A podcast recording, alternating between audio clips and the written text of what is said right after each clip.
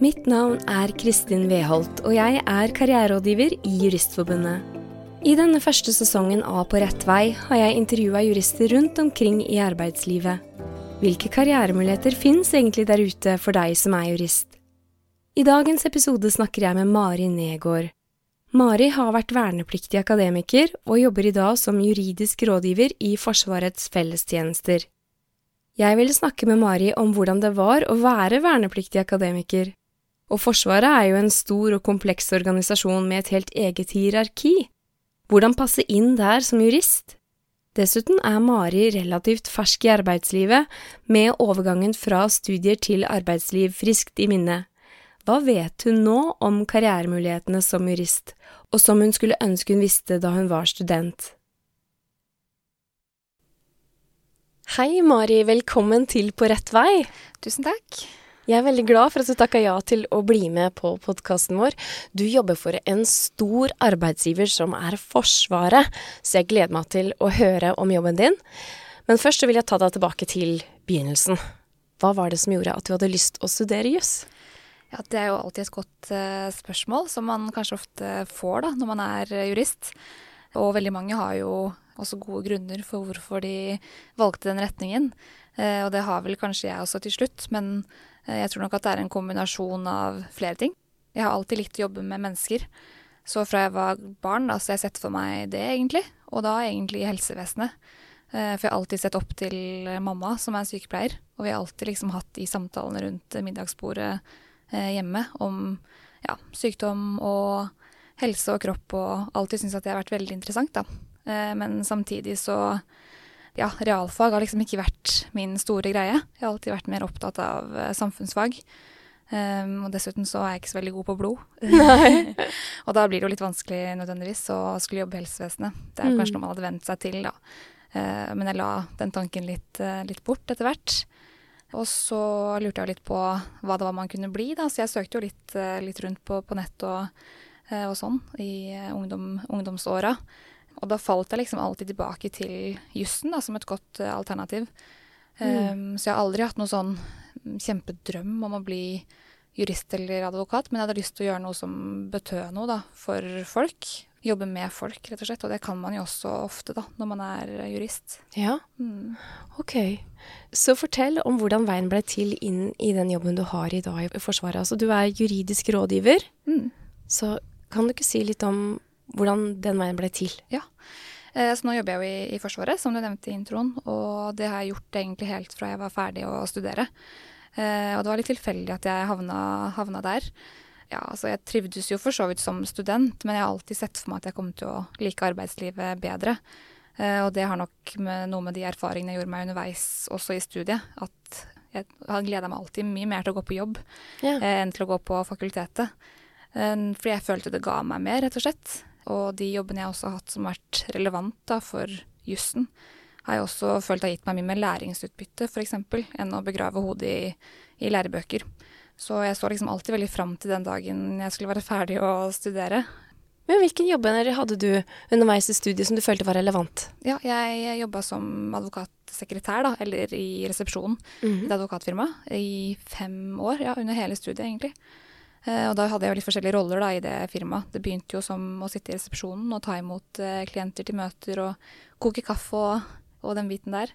Eh, mm. Og så endte det opp med at jeg hadde skriveplass der da, da jeg skrev master. Ja, nettopp. Så hadde jeg også egentlig et litt sånn uformelt tilbud om å fortsette der, eh, etter at jeg var ferdig å studere. Eh, men jeg kjente liksom veldig på at jeg, jeg var, var, hadde ikke noe lyst til å begynne på det advokatfullmektige løpet. Det har jeg egentlig aldri sett for meg at jeg ville heller. Kan du si litt mer om det? Mm. Jeg tror det handler om at jeg aldri har identifisert meg helt med den forretningsadvokatbiten.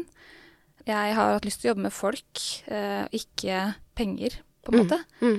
Eh, og så er det så klart mye mer man kan gjøre da, som advokat enn å bare jobbe med, med flytting av penger. Men, uh, men, jeg tror jeg hadde lyst på noe litt mer nært. Da, så jeg har alltid sett for meg enten å jobbe med et rettsområde som, som er litt mer nært. Jeg, derfor jeg skrev master innen barnerett, f.eks. Ja, nettopp. Eh, alltid interessert meg mer for de mer altså, privatrettslige delene ved, ved jussen. Um, og også egentlig sett for meg at livsstilen min også passer bedre til uh, å jobbe i offentlig sektor. Fordi at eh, ja, jeg setter veldig pris på den fritiden jeg har, da. Og så hører man jo veldig mye om eh, at man jobber så mye når man er advokat, og det var egentlig ikke noe jeg så for meg at jeg kom til å ha lyst til. Nei. Og så tror jeg, da jeg hadde skrevet master òg, så var jeg veldig lei av å nettopp sitte med hodet planta i bøkene. Så jeg hadde lyst til å gjøre noe litt annet. Mm. Eh, så det var nok også en litt sånn spontan avgjørelse der og da. Om at åh, det var liksom det siste som, som frista, da. Å begynne på det løpet akkurat da.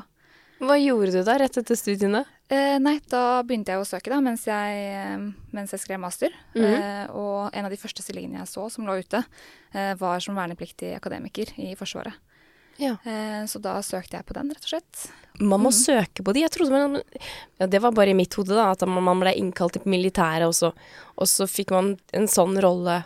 Ja, altså noen blir jo innkalt. Le mange av legene f.eks. blir jo det. For at man kan jo være vernepliktig akademiker, og da kan man være både jurist, lege, psykolog. Det er jo flere yrkesgrupper Forsvaret trenger, da, som de henter inn på den måten der.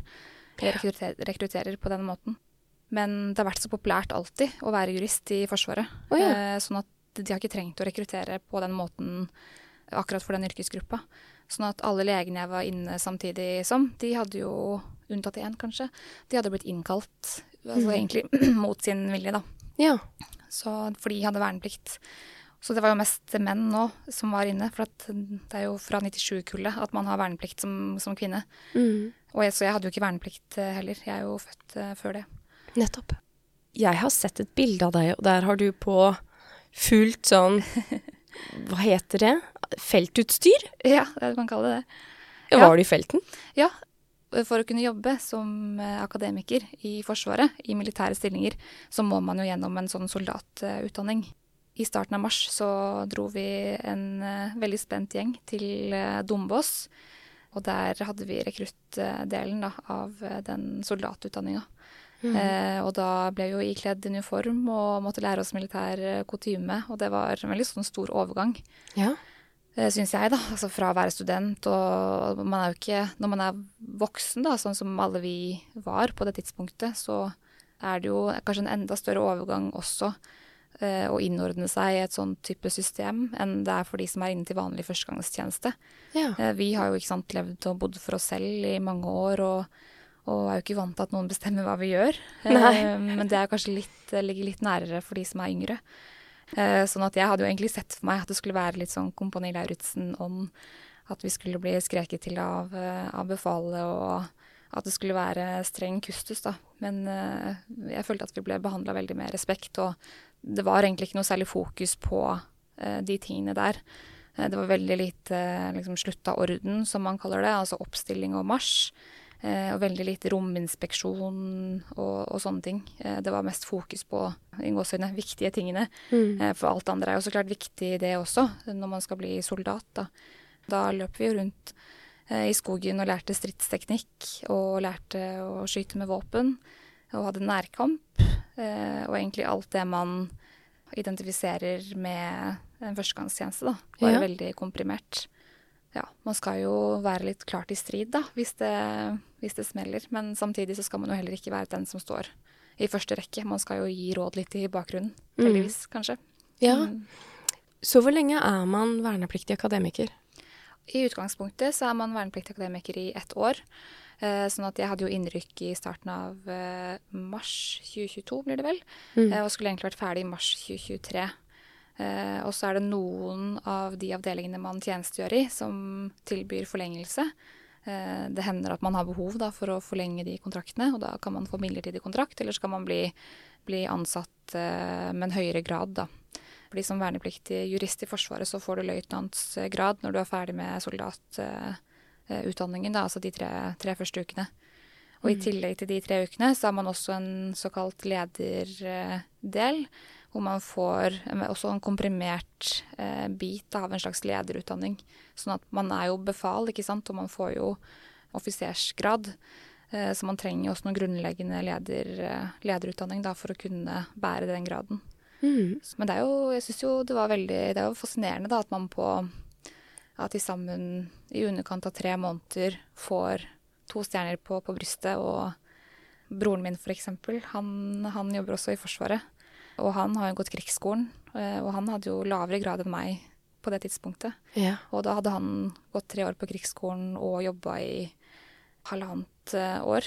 Det føles jo sikkert eh, merkelig da, å se at akademikere går rundt med stjerner på brystet, og så har de egentlig veldig lite militær erfaring. Mm. Så det kjente jeg kanskje litt på også i starten. Ja. Eh, fordi jeg tror jo at fra litt sånn gammelt av Det er jo heldigvis ikke sånn lenger nå, men det henger nok litt igjen likevel. eh, At man har en slags Det høres veldig negativt ut, da, men en sånn akademikerforakt i Mm. Forsvaret. Man er jo ikke vant til å benytte seg av den type fagkunnskap, og man er jo helt avhengig av å hente den inn utenfra, for man utdanner jo ikke jurister og leger internt i Forsvaret. Eh, Så jeg tror nok at det er også en sånn forvirring rundt det med de gradene, fordi at de som har gått krigsskolen legger mye verdi i å få de stjernene på brystet. Ja. Og det skjønner jeg veldig godt. Men litt på bakgrunn av det så hadde man også et sånt vernepliktsmerke da, på, altså over de to stjernene. Mm. Sånn at man kunne skille seg litt fra skilleklinten fra hveten. Ja, Mm. nettopp. Og så blei du i Forsvaret. Var det planen hele veien? Nei, Nei. det var det ikke. Eh, Jeg hadde jo lyst til å gjøre noe litt annet. Få litt nye perspektiver og tenkte at det passa veldig bra da, å løpe litt rundt i, i skogen. Men den stillingen jeg hadde etter at jeg var ferdig med å løpe rundt eh, i skogen, var jo veldig akademisk, egentlig. Jeg jobba på Forsvarets høgskole, eller Stabsskolen som det heter. Mm. Eh, og da, da støtta jeg de juristene som sitter i en avdeling der, som driver med undervisning. Annet på befalsskolen og for krigsskolekadettene i krigens folkerett Ja. eh, og humanitærrett. eh, som var kjempespennende. Da fikk jeg jo reise rundt i Norge og, og være med på å undervise de som, eh, altså soldatene våre, da, som Mm. trenger å, å vite hva som er rett og galt i, i krig, og hvilke regler som gjelder. Og da ja, det var rett og slett kjempespennende å Ja. bare se det liksom, omfanget av hva Forsvaret egentlig driver med. Jeg hadde jo et litt sånn naivt syn på Forsvaret før jeg gikk inn dit, tror jeg. Altså, nå vet jeg ikke hvordan andre, andre ser på det, men jeg har jo sett for meg at det skulle være litt mer, altså enda mer primitivt da, enn det det kanskje er. Mm. Men noen av de klokeste hodene jeg har møtt, har jeg møtt i forsvarssammenheng. Og Ja. selv de soldatene som er, som er best på våpen, de er også egentlig veldig gode akademikere. Eh, Mm. og de har eh, lang utdanning, og det er veldig fokus på det. Det har mye større fokus enn det jeg var forberedt på, egentlig. Ja. Sånn at det er en veldig kul organisasjon å jobbe i, med kjempemye flinke folk. Så um, var jeg liksom ikke helt klar for å forlate Forsvaret da det nærma seg at jeg var ferdig. Så rett før eh, jul da, så tenkte jeg at nå, nå må jeg jo begynne å tenke på hva jeg skal bli når jeg blir stor, igjen. Ja. For nå har jeg gjort det litt annerledes eh, som jeg hadde lyst til å gjøre. Mm. Eh, så måtte jeg ta stilling til om jeg skulle bli værende eller ikke, og så var det ikke gitt at jeg kunne det heller. Det må jo nødvendigvis åpne seg en mulighet. På Forsvarets høgskole så tar man inn en vernepliktig jurist i halvåret, så det er et sånn overlappsystem. Eh, sånn at det var ikke noen mulighet for å forlenge der, selv om jeg sikkert kunne sagt ja til det eventuelt også. Da var det egentlig tilfeldig at det dukka opp en stilling da, i en annen avdeling i Forsvaret, men også med tilholdssted på Akershus festning, som var fint for meg, siden jeg bor i Oslo. Eh, Og da var det en stilling som hørtes veldig spennende ut, som jeg endte opp med å søke på, som jeg nå sitter i i dag. ja. Mm. Det er fint å høre deg reflektere hele veien rundt de valga du har tatt, og du ville gjøre noe annet, springe i skogen. Jeg syns det er innmari kult. Så hva er de viktigste oppgavene du har i jobben din i dag som rådgiver for Forsvarets fellestjenester? Altså Driftsenheten heter jo Forsvarets eh, fellestjenester. Bare for, for å liksom forstå litt hierarkiet, da, så er det på samme måte som altså man har hær, sjø, luft, og så har man også Forsvarets fellestjenester eh, og flere. Og under Forsvarets fellestjenester så er det en avdeling som heter, eh, eller som jobber med både regelverk og dokumentasjonsforvaltning. Og under der igjen så er det en seksjon som jeg sitter i, da, som eh, heter regelverk og juridiske tjenester. Mm. Eh, Sånn at vi driver i utgangspunktet, eh, og i hvert fall fram til nå, i hovedsak med regelverksutvikling. eh, Men også mer og mer da, med juridiske tjenester, og spesielt til egen DIF, da, som det heter. Det er veldig mye forkortelser i Ja. Forsvaret. Ja. Ja, driftsenhet. Mm. Mm, og det er Forsvarets fellestjenester, da. Så vi server hele Forsvarets fellestjenester med juridiske tjenester. Og så server vi hele forsvarssektoren med, med regelverkstjenester, da. Sånn at vi forvalter alt det interne regelverket i Forsvaret. For det er klart man, eh, altså En så stor organisasjon som Forsvaret, som driver med så komplekse ting som det Forsvaret gjør, altså alt fra, fra flying til eh, ja, altså alt mulig rart, egentlig. Ja. Og mer enn du kan tenke deg også.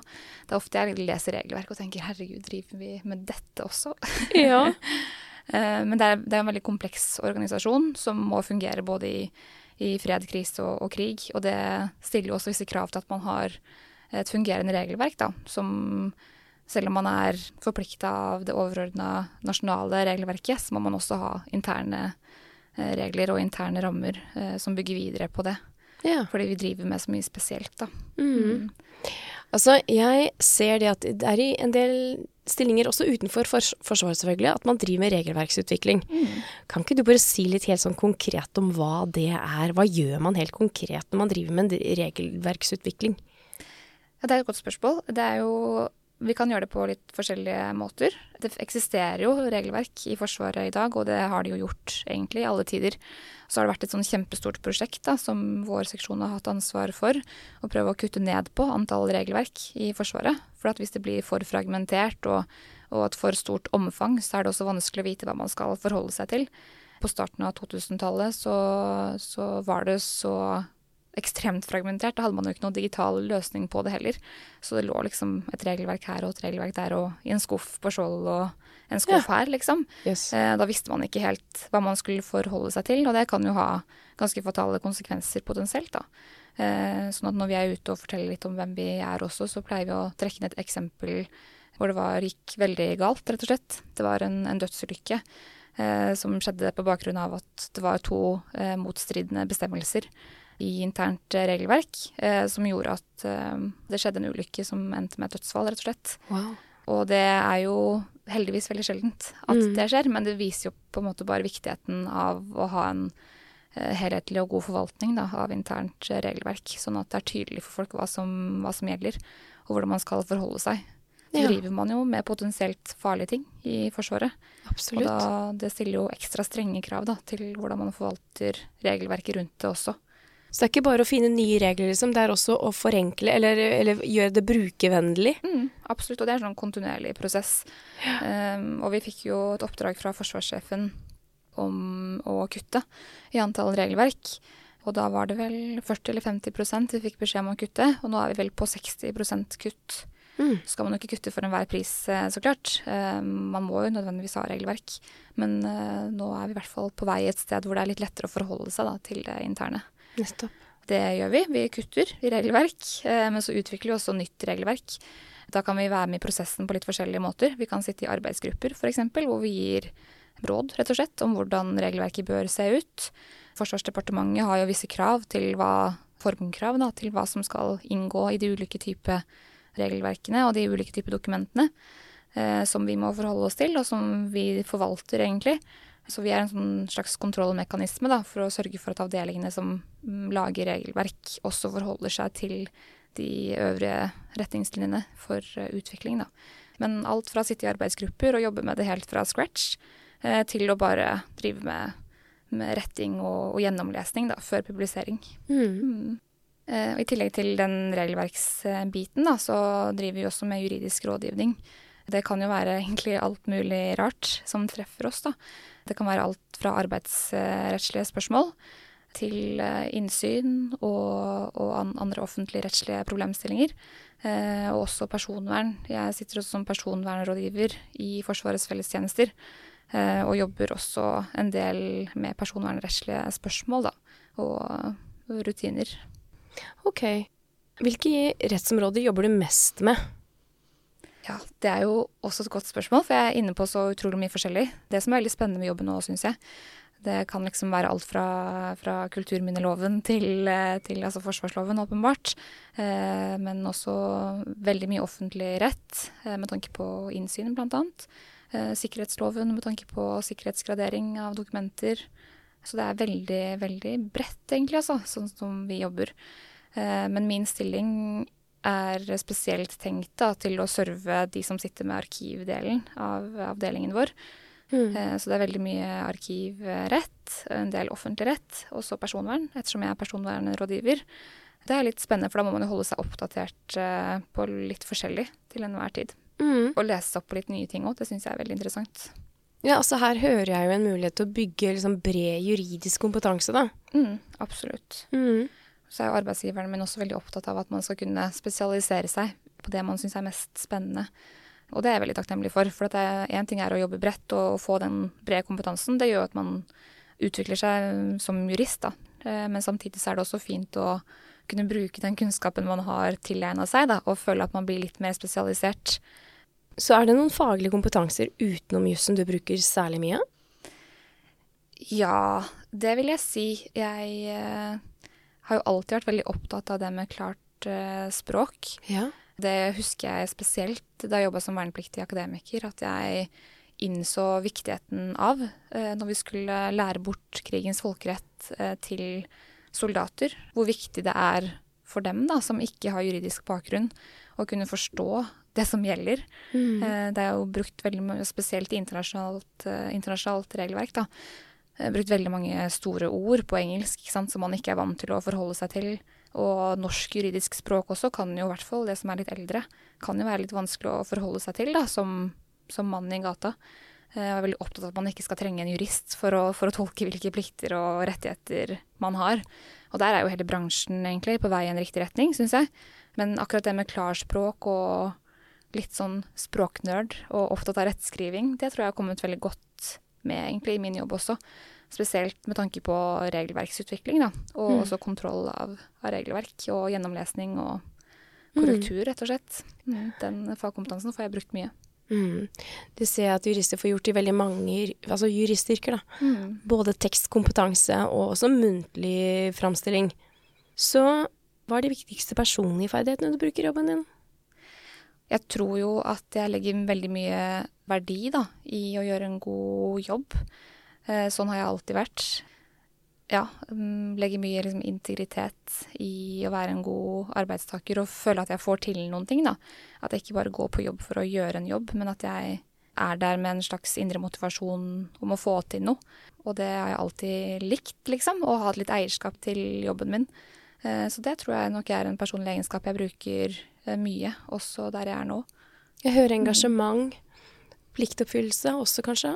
Ja, det tror jeg nok, men samtidig så Det som jeg syns er veldig fint da, med arbeidslivet kontra det å være student, f.eks., er jo at som student så gikk du på fakultetet, og den eneste, kall det motivasjon, var jo å prestere for egen del. Mens når man har en arbeidsgiver og man har eh, et kollegium å gå til, så presterer man jo ikke kun på egne vegne lenger. Da presterer man jo for fellesskapet eh, og for noe større enn seg selv, da. Eh, og selv om det høres litt klisjé ut, så er jo det mye mer givende, syns jeg. Og jeg kan jo kalle det å være pliktoppfyllende, men for meg så handler det egentlig ikke om det. Det handler om å føle at man bidrar til noe større. Ja, det er en fin nyansering. Det er, det er forskjell på å være pliktoppfyllende og det å være en del av et samfunnsansvar, kanskje. Mm, altså, ja, absolutt. Mm. Det føler jeg også litt på, spesielt nå, da, med det bakteppet med krig og uro i, i verden. At det føles ekstra viktig, da, å gjøre en god jobb nettopp i en organisasjon som Forsvaret. Fordi at både jeg og, og, alle andre ser liksom viktigheten av at noe sånt fungerer, da. Og det jo, gjør jo virkelig at man føler at man er en del av noe større. Absolutt. Mm. Ja, det får du jo se nå når krig er så tett på oss. Mm. Hva tror du var avgjørende for at du fikk jobben du har i dag? Det er nok eh, sikkert også sammensatt. Eh, men jeg tror at det var en fordel at jeg var, hadde en, en, fot inne i Forsvaret i utgangspunktet. Eh, så er det noe med at det kanskje er spesielt viktig også i Forsvaret, fordi for å kunne gjøre en god jobb da, som jurist i Forsvaret, så holder det ikke å være en god jurist. Du må ha kjennskap til organisasjonen og hvor kompleks den er. Jeg tror jo faktisk det sto i stillingsutlysningen at det er en fordel om man har erfaring fra Forsvaret.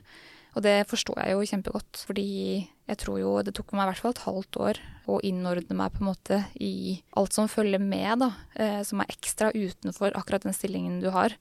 Eh, men alt med forkortelser og ja, militær kutyme, da. Så jeg tror rett og slett at det var en fordel. At jeg hadde en fot innenfor og hadde en forståelse for hva Forsvaret er.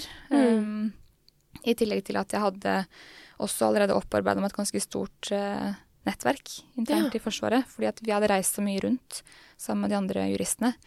Og uh, sett mye og hilst på mye folk, da, rett og slett. Ja, ja nettverk så, spiller en stor rolle mm. når man skal finne en vei i, i karrieren sin, da. Mm, Mm. Absolutt. Men så var det jo en søknadsprosess eh, eh, som alle andre søknadsprosesser. Altså man må jo lyse ut stillingene. Sånn at eh, jeg søkte jo på den, og det var jo flere søkere. Og jeg tror jo Det var nok ikke bare at jeg hadde en fot innenfor fra før. Jeg tipper jo at jeg Eller jeg håper jo at jeg gjorde et godt inntrykk, og tror jo det òg, siden jeg fikk, jeg fikk jobben. Eh, men jeg tror også at det lyste veldig gjennom, da. At jeg hadde en sånn indre motivasjon for å bli værende. Og at eh, Forsvaret hadde liksom tent et lys eh, i meg på mange måter. Ja, så fint. Mm. Så til andre jurister, eller vordende jurister, som er nysgjerrige på Forsvaret, så ville du anbefale dem å være vernepliktig akademiker? Ja, absolutt. For meg så er det et minne for livet, og jeg har fått venner for livet. Ja. Man jo, blir jo veldig tett knytta sammen når man er eh, Vi var jo eh, åtte eller ni jurister. Eh, Ca. samme antall leger og noen prester eh, som var inne sammen. Og man blir jo kjent på, på godt og vondt når man er tett oppå hverandre alle døgnets timer. Og det var jo lange dager, og vi var jo ute i felt og ble jo testa litt, da. Eh, sånn at da får man jo se hverandre på, på godt og vondt, og det gjør at man blir veldig godt kjent. Så først og fremst er det en opplevelse for livet sånn sett. Eh, I tillegg til at man lærer veldig mye om seg selv også, for det er jo en setting i hvert fall jeg aldri hadde vært i tidligere. Og jeg tror jo at de aller fleste egentlig har godt av å være i førstegangstjenesten, og hvis man ikke har vært det, så er det jo en gyllen mulighet til å, å søke seg inn i en litt mindre, mindre variant da, av det, etter at man er ferdig å studere. ja. Forsvaret er jo en attraktiv arbeidsplass, på en måte. sånn at det er jo, hvis man ikke vil bli værende, så er det jo uansett også et veldig fint springbrett videre. Jeg vet at veldig mange av de jeg har eh, vært vernepliktig jurist sammen med, de har jo veldig fine jobber i dag. Og jeg vet jo at de arbeidsgiverne de har, har satt veldig pris på den erfaringen som Forsvaret har gitt dem, da. Ja. Det er fint at du bringer inn det perspektivet. Nå fikk jeg lyst til å være vernepliktig akademiker. ja. Det er litt for seint. Hva liker du best ved jobben din? Oi, det er mange ting. Jeg liker eh, at vi er et eh, lite, men godt juristmiljø, da. Ja, vi er en god gjeng, rett og slett, som, som sitter oppe på et sånt loft på Akershus festning. ja. Syns det er veldig spennende å få se Forsvaret ovenfra litt på den måten. Hvordan Forsvaret egentlig er et kjempestort forvaltningsorgan, da. Både å jobbe med regelverk, men også å få bryne seg på litt juridiske problemstillinger også. Eh, Så jeg føler at virkelig at det er en arbeidsplass som jeg vokser i, da, og hvor det også er muligheter for å vokse videre. Jeg husker jo på jussen så var det veldig mye fokus på alt det man kunne bli, og, men kanskje ikke i stor nok grad, da. Fordi det har jo åpenbart seg for meg i etterkant av studiet at det er så mye mer man kan gjøre eh, enn akkurat det som man kanskje utsettes for da, på, på studiet. Husker jo under liksom, karrieredagene så er det jo gjerne de store advokatfirmaene som er der for å promotere seg selv. Eh, jeg hadde jo ikke noen anelse om hvor mye forskjellig man egentlig kunne jobbe med. Eh, alle sier jo at jussen er så anvendelig, og det hadde jeg jo hørt, men jeg så liksom bare den ene siden av bransjen, da. Eh, hvis det var noe fra offentlig sektor som var der, så var det liksom politiet. Eh, og det opplevdes eh, litt sånn ja, det var litt spesielt, og mange med meg, tror jeg, syntes det var vanskelig å se for seg hvordan man skulle kanskje klare å få jobb i det hele tatt, og hvordan man skulle finne noe man trivdes med, da. Og så har jo kanskje også offentlig sektor blitt litt sett ned på, kanskje. Ikke av meg eller mine medstudenter, men at det er blitt sett litt ned på kanskje i jusmiljøet, da. Der ligger litt mer prestisje i å bli advokat, f.eks., kontra det å jobbe i offentlig sektor. Men jeg vil virkelig slå et slag for offentlig sektor, fordi det har gitt meg veldig mye. Og det er, begynner å bli mer konkurransedyktig på flere områder. Og det trenger ikke være så kjedelig som det mange, mange sier at Eller man kan få inntrykk av at det er, da. Mm. Så jeg gleder meg til å gå på jobb eh, hver eneste dag. Og jeg er så glad for at du tar fram det perspektivet. Og der setter du også ord på noe av det som er hensikten med at vi laga den sesongen her av På rett vei. Det er nettopp å sette lys på alle de karrieremulighetene som fins som er kule. Altså når jeg sitter her og intervjuer folk om jobbene deres, så selvfølgelig tar jeg inn folk fra de store advokatfirmaene. Jeg, jeg har hele bredden.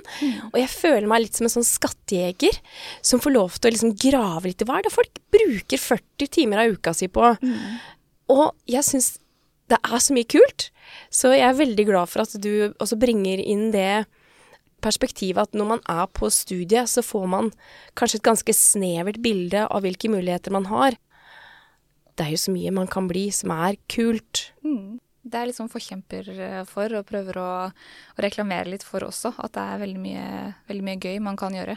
Og som kanskje i større grad enn en f.eks. det å bli advokat, da lar seg kombinere med altså en aktiv fritid. Mm. Eh, for det har alltid vært viktig for meg. Jeg, altså, jeg er kjempeglad i å jobbe, og er veldig avhengig av at jobb er lystbetont, og et sted jeg har lyst til å gå til. Eh, og ikke noe jeg føler at jeg bare må. Eh, men samtidig så er det viktig for meg å kunne gå hjem og ha noen timer på ettermiddagen til å gjøre andre ting, da. Fordi jeg syns livet er så mye mer enn bare jussen, hvis det er lov å si. det er lov å si. Mm. Det er veldig forfriskende at du sier det. Ja, det er bra. Så hvilken jobberfaring har du vokst mest på? Prøver å tenke Nå har jo ikke jeg vært i arbeidslivet så lenge, men jeg tror jo at de eh, Også uten å nevne noe konkret, da, så kan jeg jo si litt om hva jeg syns har vært uh, utfordrende, men som jeg også har vokst uh, mye på i den stillingen jeg har nå. Og det handler nok litt om, som kanskje mange kan kjenne seg igjen i, da, at når man er nyutdanna jurist, og spesielt kanskje ung kvinnelig jurist, så kjenner man på et litt sånn bedragersyndrom. I hvert fall har jeg gjort det. Og vært veldig redd for at jeg ikke skal nå opp til de forventningene som stilles til meg, da. Og det handler nok kanskje om en slags umodenhet i eller ja, altså ikke umodenhet, men at man ikke har den lange erfaringen bak seg som gjør at man er trygg i den rollen man innehar. Altså man, man blir jo gitt en tittel, og så skal man jo stå for den tittelen man har. Det kan jo føles litt fryktinngytende innimellom. Og for min del da spesielt uh, det å beholde liksom den integriteten som jurist. Det har vært så viktig for meg å klare å beholde den. Men jeg har jo kjent at jeg har blitt utfordra på det, spesielt i møte med beslutningstagere som kanskje har mange stjerner på, på skuldrene, og, eh, og, som har både lang og god erfaring, og som vet hva de prater om. Og i de tilfellene hvor jeg da har gitt råd som kanskje ikke har blitt så godt mottatt, da, så er det noe å lære seg å stå i det, selv om det er ubehagelig. Det kan jo være vanskelig, eh, men også noe av det viktigste man gjør da, for å nettopp beholde den faglige integriteten. Ja. Det føler jeg at jeg har vokst eh, veldig på, og vokser egentlig på hver dag. Um, I takt med at man får jo bredere og dypere faglig forståelse, uh, som også gjør at man har et bedre grunnlag for å gi gode råd. Men så blir man også kanskje tryggere i seg selv, da, uh, i den rådgivningsprosessen også. Uh, og så skjønner man at det er ikke så skummelt. De er bare vanlige folk, de også. Og jeg har tross alt en fagkompetanse som de ikke har. Det må jeg bare stå støtt i. Det er så bra at du trekker inn det med bedragersyndromet, for det er et utbredt fenomen som veldig mange strever med, for det skaper en del stress. Og øh, jeg har bare lyst til å føye til, for du beskriver det veldig fint i praksis, det at når du kommer ut i arbeidslivet, så oppdager du at det er en hel del til du må lære. Så den følelsen av å, ha, å være en bedrager, at anytime nå så kan du bli avslørt som en bløff, altså wow, det er skummelt. Men det er egentlig bare et uttrykk for at du er i læring, som du sier, at det har noe med modenhet å gjøre. Og det å, å tilegne seg mer erfaring, så kan du si at hvis du eksponerer deg selv for stadig ny læring, så vil du kanskje kjenne på dette i mer eller mindre behagelig grad kanskje resten av karrieren din, men, men, det å bare identifisere det som et tegn på at du er i læring, det tenker jeg er en veldig sånn god beskyttelse mot negativt stress, f.eks., og mistrivsel. Mm. Og at ikke det ødelegger for den faglige utviklingen din, eller at ikke du lar det, ut, lar det ødelegge for den faglige utviklingen din. For at det er ubehagelig å lære. Mm. Og det er sånn at læring foregår i flere faser, da. Vi skiller gjerne mellom ubevisst inkompetent, og der vet du ikke om alt det du ikke vet, så der er det litt sånn deilig å være. Og så blir du bevisst inkompetent, altså du får en erkjennelse av alt det du faktisk ikke vet. Og der er det ubehagelig å være!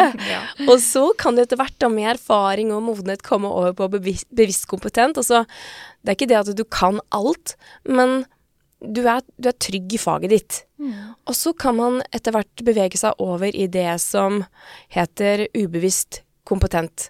Og det er da kunnskapen din har blitt nærmest taus, altså du gjør det nærmest med venstrehånda på automatikk. Og da kan kanskje jobben bli litt kjedelig, så da må du lære deg noe nytt, ikke sant. Og jeg er så glad for at du brakte opp det temaet, fordi jeg vet at det er mange som strever med det, og særlig unge arbeidstakere. Fortell om en gang da du følte at du virkelig gjorde en forskjell som jurist. Og det også blir litt det samme som på forrige spørsmål, da, egentlig. Altså, jeg har jo ikke så lang fartstid, så jeg klarer ikke å trekke fram én spesiell hendelse. Men jeg liker jo å tro da at med den jobben jeg gjør hver dag, at jeg gradvis og egentlig hele tiden, da, i sånne små drypp, utgjør eh, en forskjell i det store bildet. Og jeg vet jo selv hvor viktig regelverk er, og spesielt i en så stor organisasjon som Forsvaret. Jeg håper jo at den jobben jeg gjør er med på å bidra til at folk overholder regelverket som eksisterer, eh, og at også Forsvaret beveger seg i en mer riktig retning, da. Mm. mm. Ja, Du har jo allerede gitt et konkret eksempel på hva som kan skje når regelverket ikke fungerer, eller at det ikke er brukervennlig. Mm. I tillegg til at jeg oppfatter deg som en veldig sånn samfunnsengasjert, ansvarsbevisst borger. Så jeg følger deg helt på, på det resonnementet der. Du blei uteksaminert som jurist i desember 2021, så som du selv har satt ord på, så har du ikke vært lenge i arbeidslivet.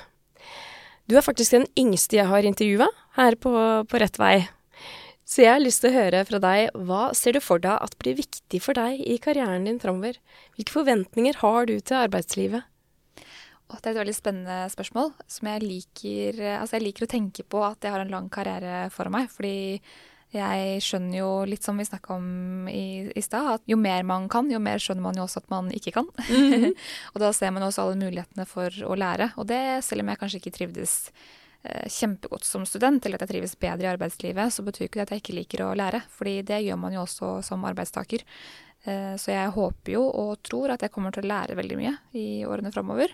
Og at jeg kommer til å utvikle fagkompetansen min, men også meg selv i rollen som jurist, da bli enda tryggere enn det jeg er nå. Og ja, rett og slett bli en flinkere og dyktigere jurist. Eh, samtidig som jeg har veldig lyst på nye utfordringer etter hvert også, og ikke nødvendigvis med ny arbeidsgiver, men jeg ser jo ikke for meg å bli sittende i en rådgiverstilling f.eks. i veldig mange år. Så jeg er jo ute etter å avansere, fordi jeg tror jo at det henger også litt sammen med motivasjon, da. Eh, at for å kunne trives med det man gjør, så må man hele tiden bli litt eh, utfordra. For at jeg skal utvikle meg også, så, så ser jeg jo for meg og, ja, at rollen min endrer seg gradvis i takt med kompetansen min. Mm. Mm. Jeg hører læring. Behovet for læring. Ja. Hva vet du nå som jurist som du skulle ønske du visste da du var student, og særlig da du skulle søke din første jobb? Det har vi vært litt inne på også, mm. men kanskje det havet av muligheter den graden gir deg. Men samtidig også viktigheten av at du er mye mer enn graden din. Eh, jeg tror veldig mange med meg legger mye verdi i eh, prestasjonene sine. Eh, og spesielt som jusstudent. Da er du liksom Du blir målt på, på karakterer og på prestasjoner, og etter hvert så blir det også målt på hva slags jobb du klarer å skaffe deg. Eh, og jeg tror det er så viktig å tenke at man er så mye mer da, enn prestasjonene sine. Selv om det så klart er med på å ta deg videre i, i verden og i, i, yrkeslivet, så er livet så mye mer enn bare de prestasjonene. I tillegg til at man kan gjøre så utrolig mye forskjellig da, med en sånn type, type grad. Eh, så det begrenser seg jo ikke på noen måte til det man, det man kanskje har fått inntrykk av at du gjør da, på jussen. Eh, og det skulle jeg kanskje ønske at jeg hadde et uh, større innblikk i som student også, for da hadde jeg nok kanskje vært enda mer motivert uh, for framtiden. Klokt, altså. Jeg tenker på det du sier der med at man er så mye mer enn prestasjonene sine. Jeg har vel sjelden møtt noen som er mer prestasjonsorientert enn jusstudenter. altså, nå, jeg, nå, skjærer jeg alle over én kam, og det er selvfølgelig ikke alle som er sånn, men det skal jo noe til bare for å komme inn på jussen, sant? Og hvis man identifiserer seg veldig med prestasjonene sine, så blir man jo veldig sårbar den dagen noe går galt. Altså, hvem er jeg hvis ikke jeg er flink? Det er et spørsmål jeg møter veldig mye på når jeg er coach eh, for dem som opplever stress på jobben. Mm. Så det å se at man er mer og har en verdi som strekker seg utover prestasjonen sin, det tror jeg er noe man kan begynne å trene på i ung alder, og se det at ja, men jeg har verdi bare i kraft av å eksistere. Ja. Mm. Og det tror, jeg, det tror, jeg, du sier noe viktig også, for at man må trene litt på det for å klare å legge bort de tankene. Jeg husker jo spesielt godt på ungdomsskolen allerede, hvor jeg fikk min første treer, tror jeg, og satt hjemme i sofaen og gråt, for jeg var så misfornøyd og så skuffa over meg selv. Eh, og jeg tror det er veldig bra at de skuffelsene kommer litt tidlig òg, for da lærer man seg å håndtere det på, på, en litt annen måte. Og det er jo noe jeg kan le av nå i dag, men som føltes som verdens undergang der og da. Og den samme følelsen husker jeg at jeg fikk igjen da jeg strøk i et fag på jussen. Ja. Jeg tenkte at det her er jo ikke noe for meg når jeg ikke klarer å bestå eksamen engang. Hvordan skal jeg klare å få meg en jobb, liksom, hvis ikke jeg klarer å prestere på én en enkelt eksamen? Så bare det å lære seg å klare å legge det bort, da, og ikke identifisere seg med prestasjonene sine, det har vært veldig viktig for meg i hvert fall, for å kunne ha det bra, rett og slett. Ja. Viktig, viktig, viktig. Mari, det har vært en veldig stor glede å ha deg her i studio. Jeg er imponert over hvor klok du er. Også så tidlig i karrieren din så har du allerede gjort deg noen refleksjoner veldig mange bruker mange år på å komme fram til, så tusen takk for at du har vært både personlig og tort å dele refleksjonene dine. Så hjertelig takk for at du stilte opp eh, her på, på Rett vei. Tusen takk for at jeg fikk komme. Det har vært veldig hyggelig. Tusen takk for at du har hørt på På rett vei. Hvis du liker denne podkasten, del den gjerne med en venn. Og har du som jurist spørsmål om karriere? Sjekk ut karrieretjenestene våre på juristforbundet.no. For medlemmene våre tilbyr vi gratis karriererådgivning og digitale karrierekurs. Du kan også følge Juristforbundet på sosiale medier som LinkedIn, Instagram og Facebook. Vi høres!